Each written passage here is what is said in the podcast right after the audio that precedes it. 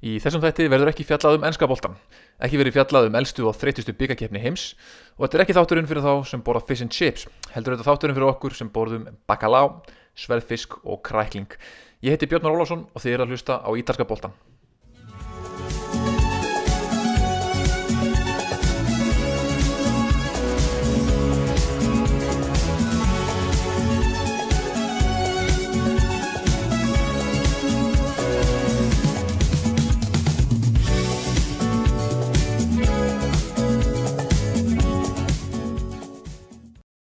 boltan. Bent Ornato og verið velkomin aftur í þennan tíunda þátt ítalska boltans.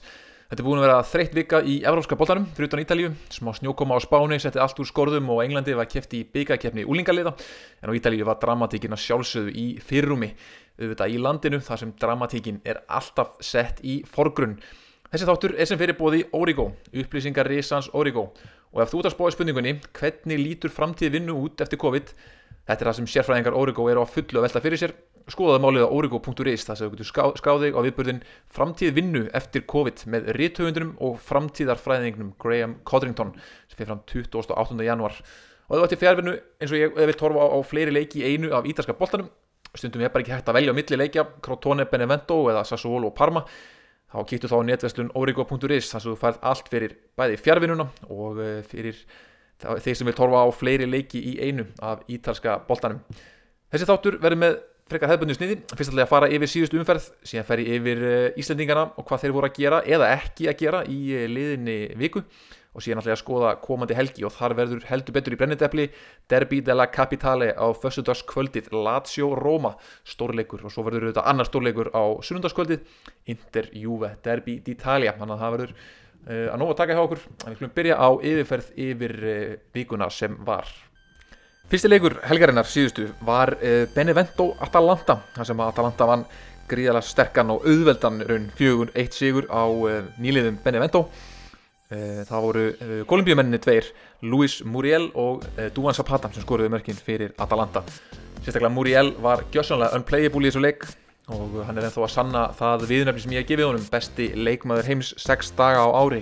Þetta var einn af þessum 6 dögum þar sem hann kom inn á og þessi hálftími sem hann spilaði það gekk allt upp. Uh, reynda sóla 5 sinnum, það tókst í öllskiptin klikkaði ekki á sendingu, misti aldrei boltan og, og skoraði 2 mörg frábær sigur hjá Atalanta og þetta var kannski eitt svona leiku sem að nýlegaðnir í Benevento byggust ekkert við því að eh, vera að fara að fá stig út úr Pippo Inzaghi og hans menn í Benevento eru að pæli að styrka sér núna í januar og þeir eru að reyna að fá Andrea Pinamonti framherja Inter. Uh, ungur út út og einsás landsinsmaður Ítalju stóra sterkur strækjar sem var að láni hjá Genoa í fyrra. Uh, er, hefur verið eigu Inter og fór aftur til liðsins síðast liðið sumar uh, en hefur ekkert fengið að spila með þeim núna undir Antonio Conte. Sem hefur komið svolítið óvart því að hann er fílar þessa stóru, sterku og stæðilegu framherja en uh, Pinamonti hefur ekki lótið náð fyrir hans augum þannig að hann geti verið lánaður út núna og Benevento.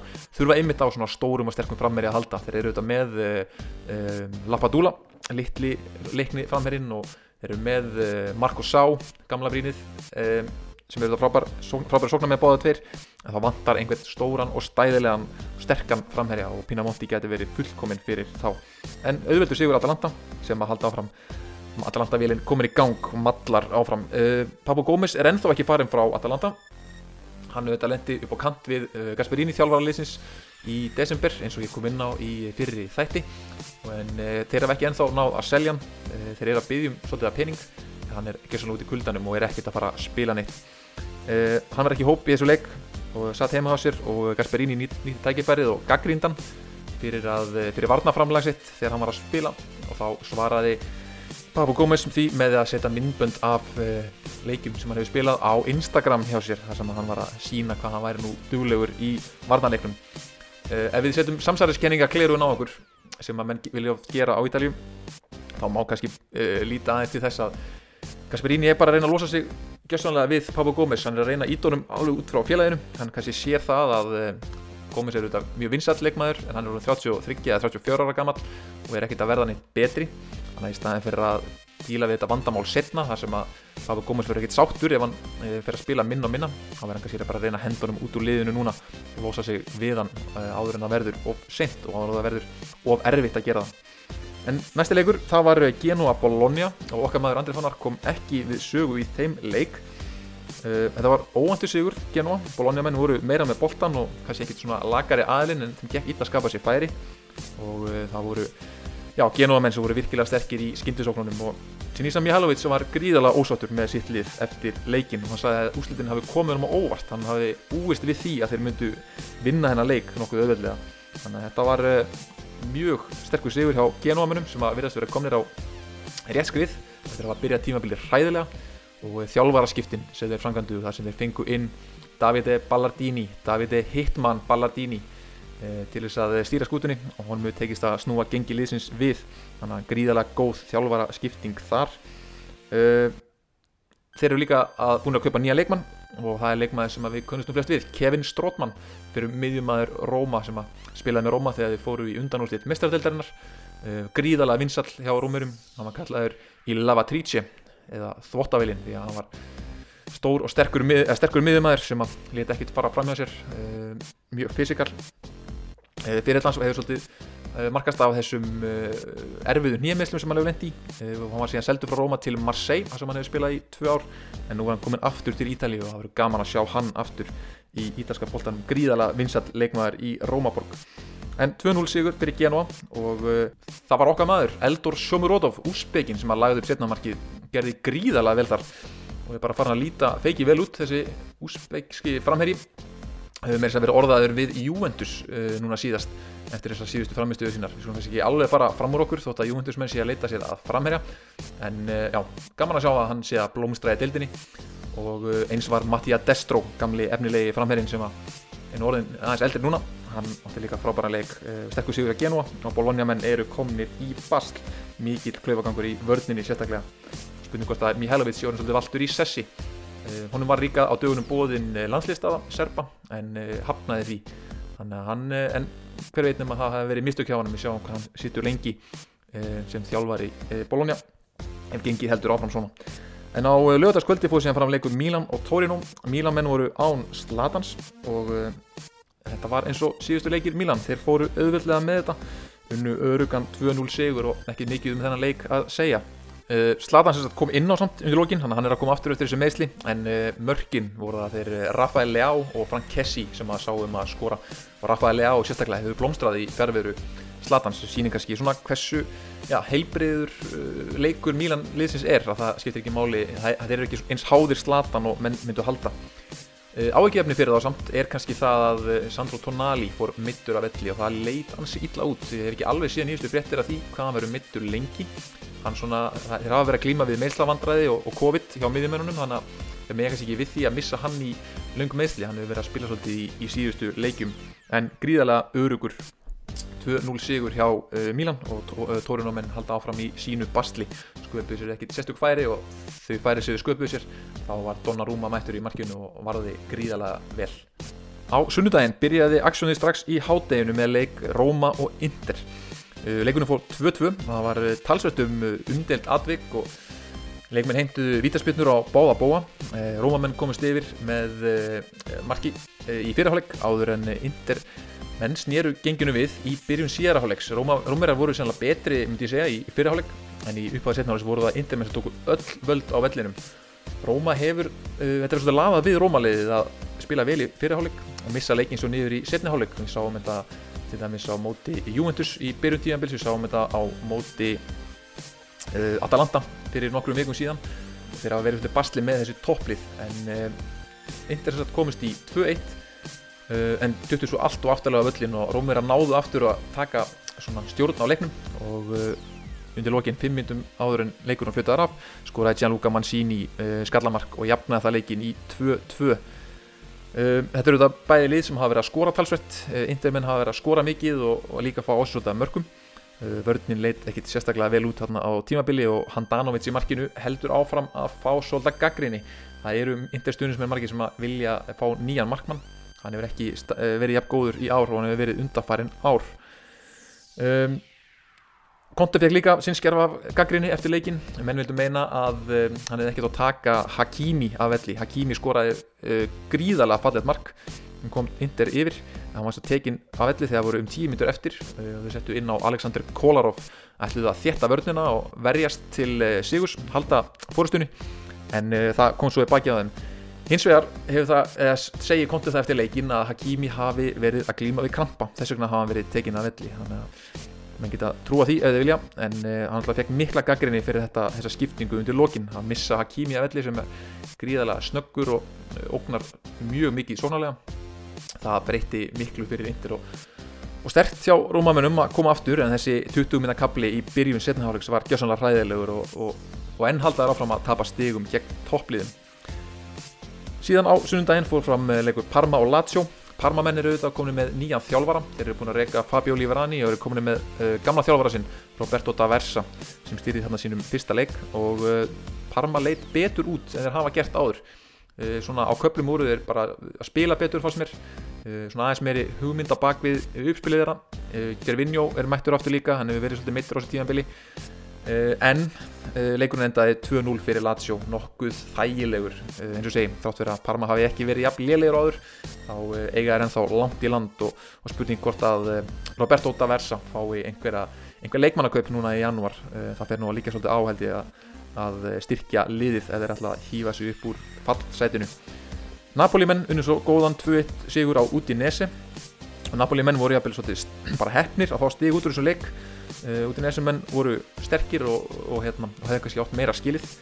Og það var uh, Bakayoko miðjumæðurinn uh, fyrir Chelsea leikmæðurinn sem skoraði Sigumark Napoli í blálókin Bakayoko auðvitað fór frá Chelsea til AC Milan þar sem að hann byrjaði ekki svona hræðilega en áður hann svona rangaði við sér og varð betri og var tekinn til Napoli. Eh, fyrir þetta tímabill þar sem hann byrjaði líka ekkit sérstaklega vel en eh, skora hann gríðarlega mikilvægt mark og gaman að sjá að hann sé komið með ferilinn svona aftur á réttan kjöl eftir, eftir umulegan tíma þarna í, í byrjun hjá AC Milan. Síðan var leikur Hellas Verona og Crotone. Og Crotone menn í fallseti langneðstir og eh, já, þeir áttu ekki séns gegn Hellas Verona. Hellas Verona skoru, það skoraði vinstirbakkurinn Federico Di Marco sem að er uppalinn á Inder og er á láni hjá Hellas Verona. Hann skoraði glæsilegt mark. Hann er búin að vera að skora mikið bæði í ár og uh, undanfærið tímabil. Búin að vera eitt besti vinstri bakverður deildarinnar. Og uh, kannski spurning hvort að það hugsi hugmynd fyrir Intermenn að sækja hann aftur allavega eftir tímabili því að er, hann er búin að vera gríðalega góður og skemmtilegu hann í vinstri bakverðunum snöggur og með frábæran vinstri fót þannig að Federico Di Marco hann á skilið uh, sterkara lið Og núna, eh, eftir þessar 17 umferðir í ítalsku deildinni, þá er Veróna-leiðið aðeins fjórum stegum frá mistradeldasæti sem verður líka að teljast gríðarlega stert, eh, sérstaklega ljósið þess að Hellas Veróna hefur verið að selja sína bestu leikmenn undanfarin ár.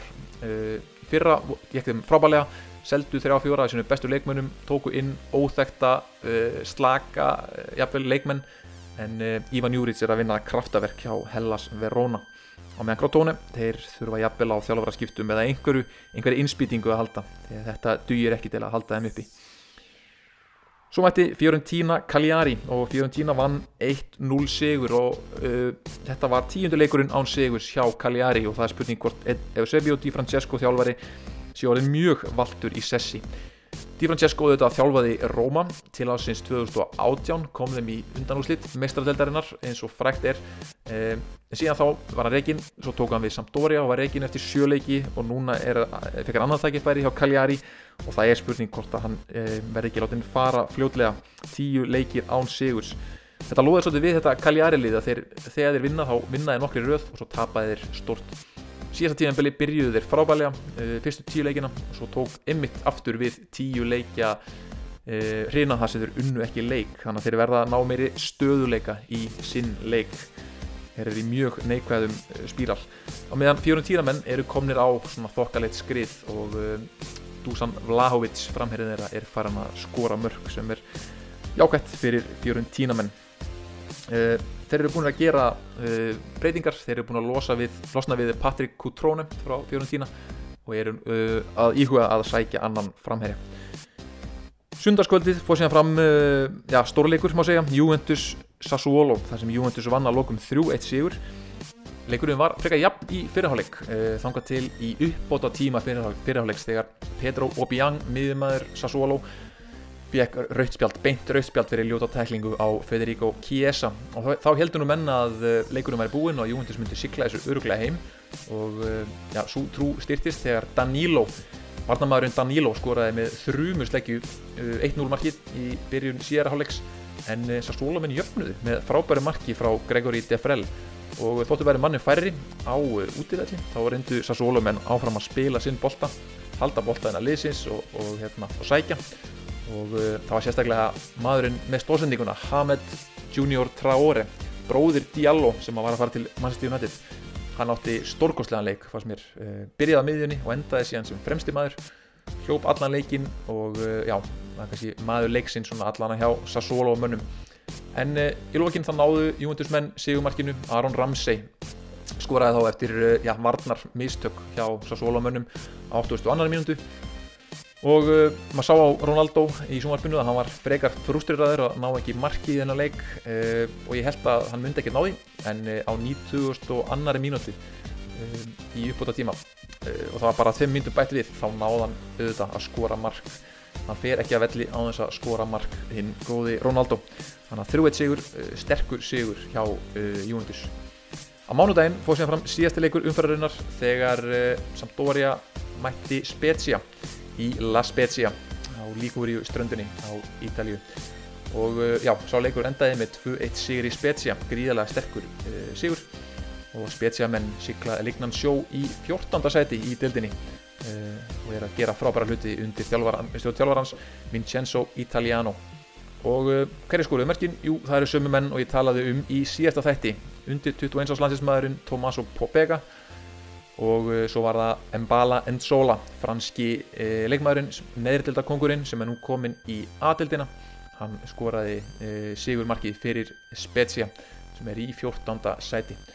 Og eftir umferðina þá er staðan hannig að Milan mennur enn í eftirsæti og auka fórskótt sitt í annarsætið þar sem Inter er þreymur stígum eftir.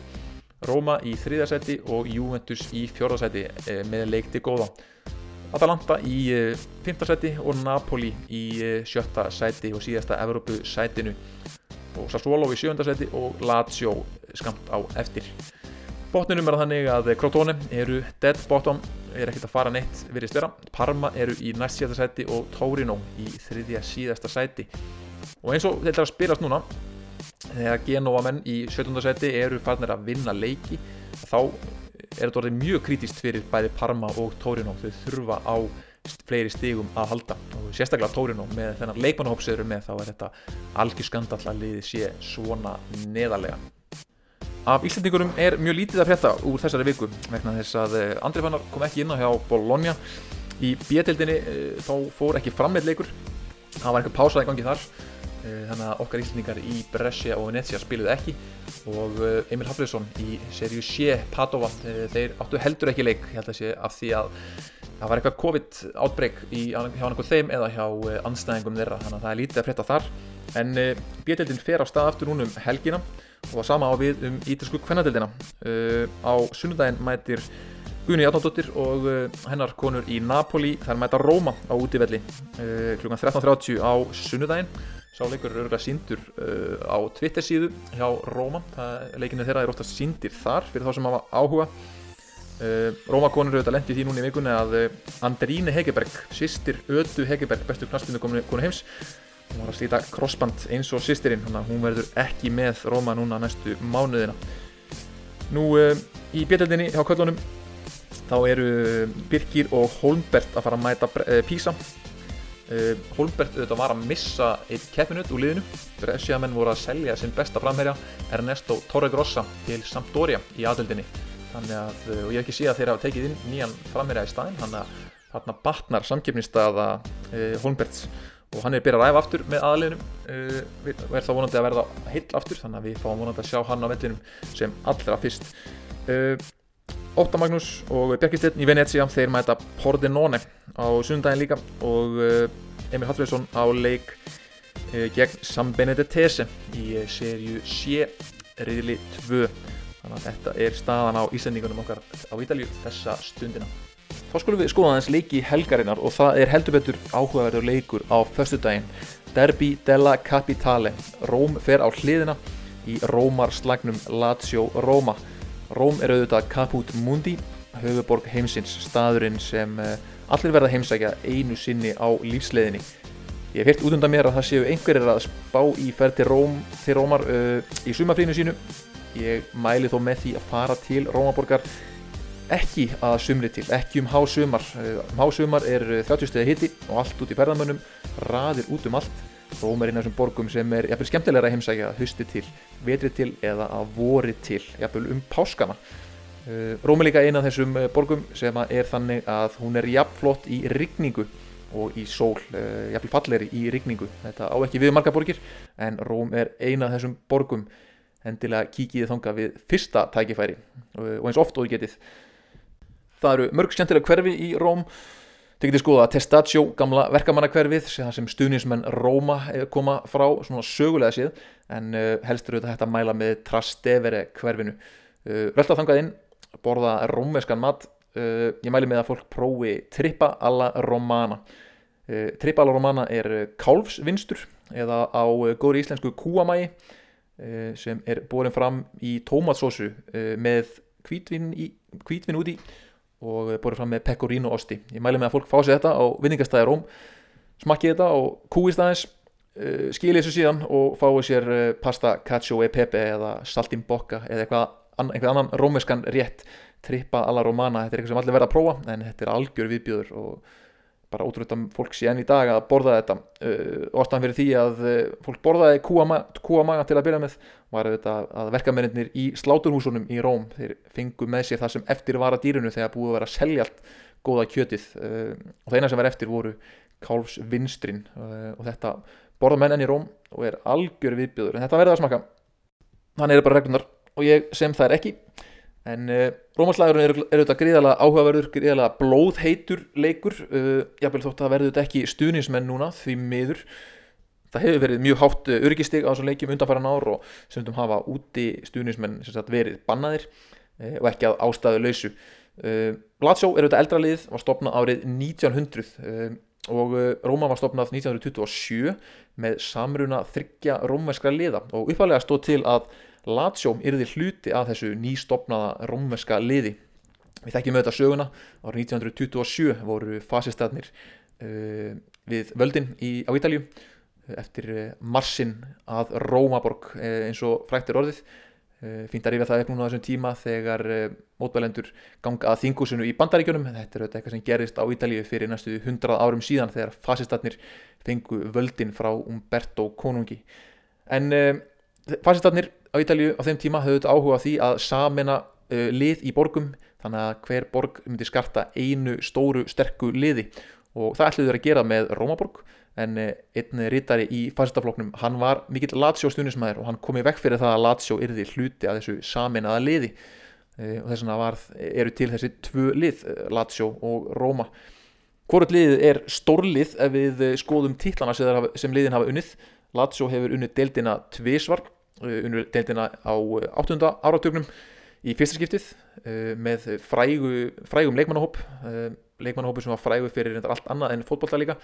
Menn geta skoða þá sögu ef þeir vilja og svo unnuð þeir sín setni titil árið 2000 líka með gríðarlega sterkan leikmannahóp sem að margir muna eftir. Sinisa Mihailovic, Pavel Nedved, Alessandro Nesta og fleiri skemmtilegir. Rómurar hafa unnið deildina þrísvar þeir unnana einu sinni árið 1941 í miðju stríði og það er svona margir sem að gera kannski aðtöðasemt við þann titil sérstaklega Lazio stunismenn síðan unnúður hann undir stjórn Svíjans eh, Níls Lítholm árið 1983 og uh, síðan eftir að Lazio vann titilin árið 2000 þá ákvað þá var þetta fósetti Roma Franco Sensi að uh, þeir þauðtu nú að bæta við einum titli til að vera með fleiri titla en Lazio menn og Kifti Gabriel Omar Battistuta og árið eftir vann Róma titilinn árið 2001 og er það síðast í deldartitill hjá þessum tveimur liðum.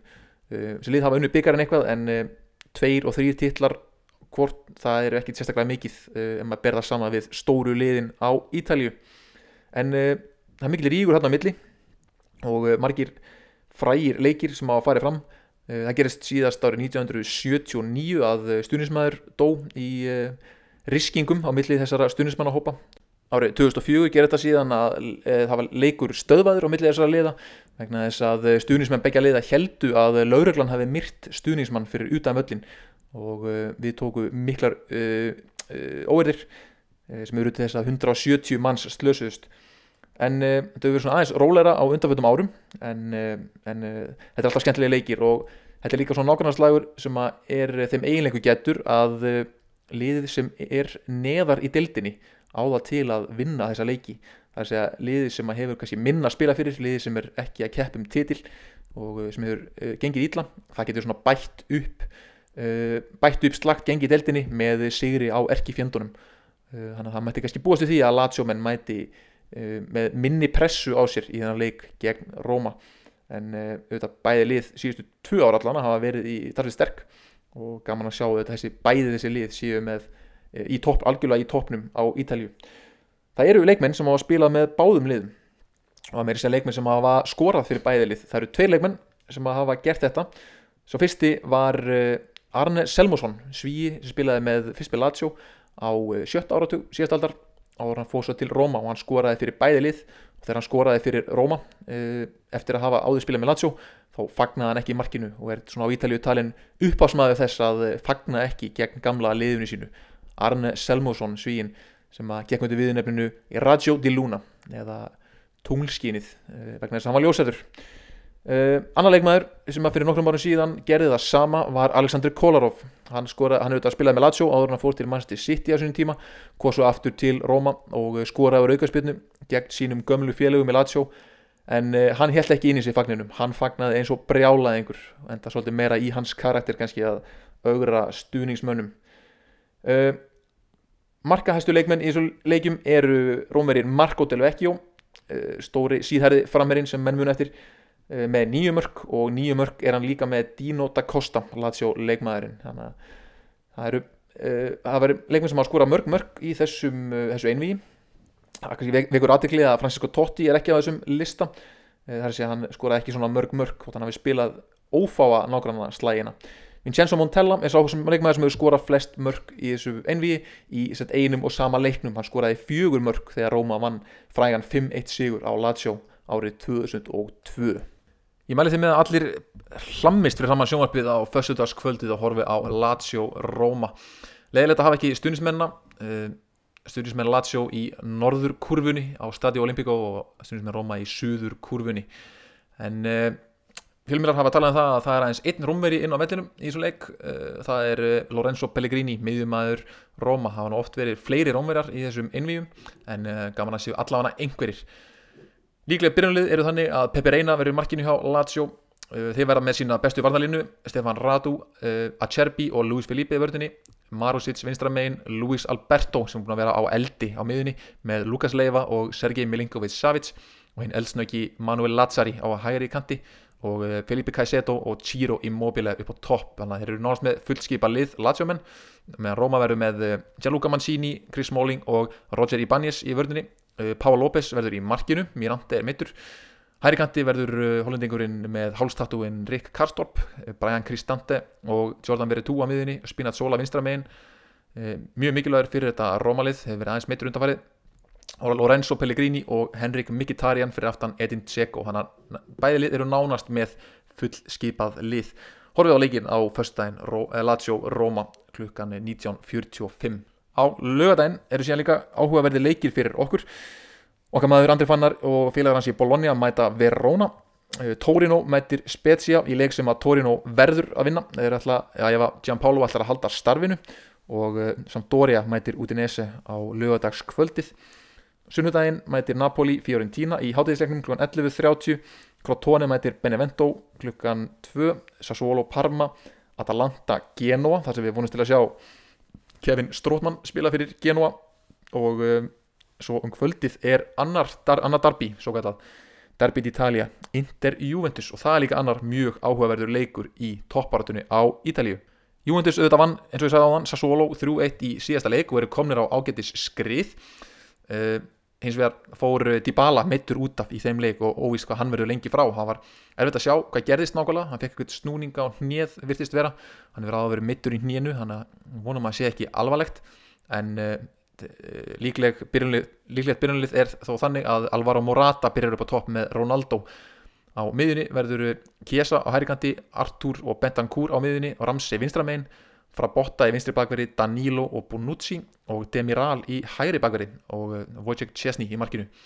Á Inter verður Handanovic í markinu Stefan De Vrij, Bastoni og Skriniar í vörnunni Asti Jón í vinstri bakverði Vidal, Brozovic og Barella á miðunni og Hakimi í hægri bakverði og Lukaku og Martínez frammi eh, nánast fullskipa liði líka hjá Inter.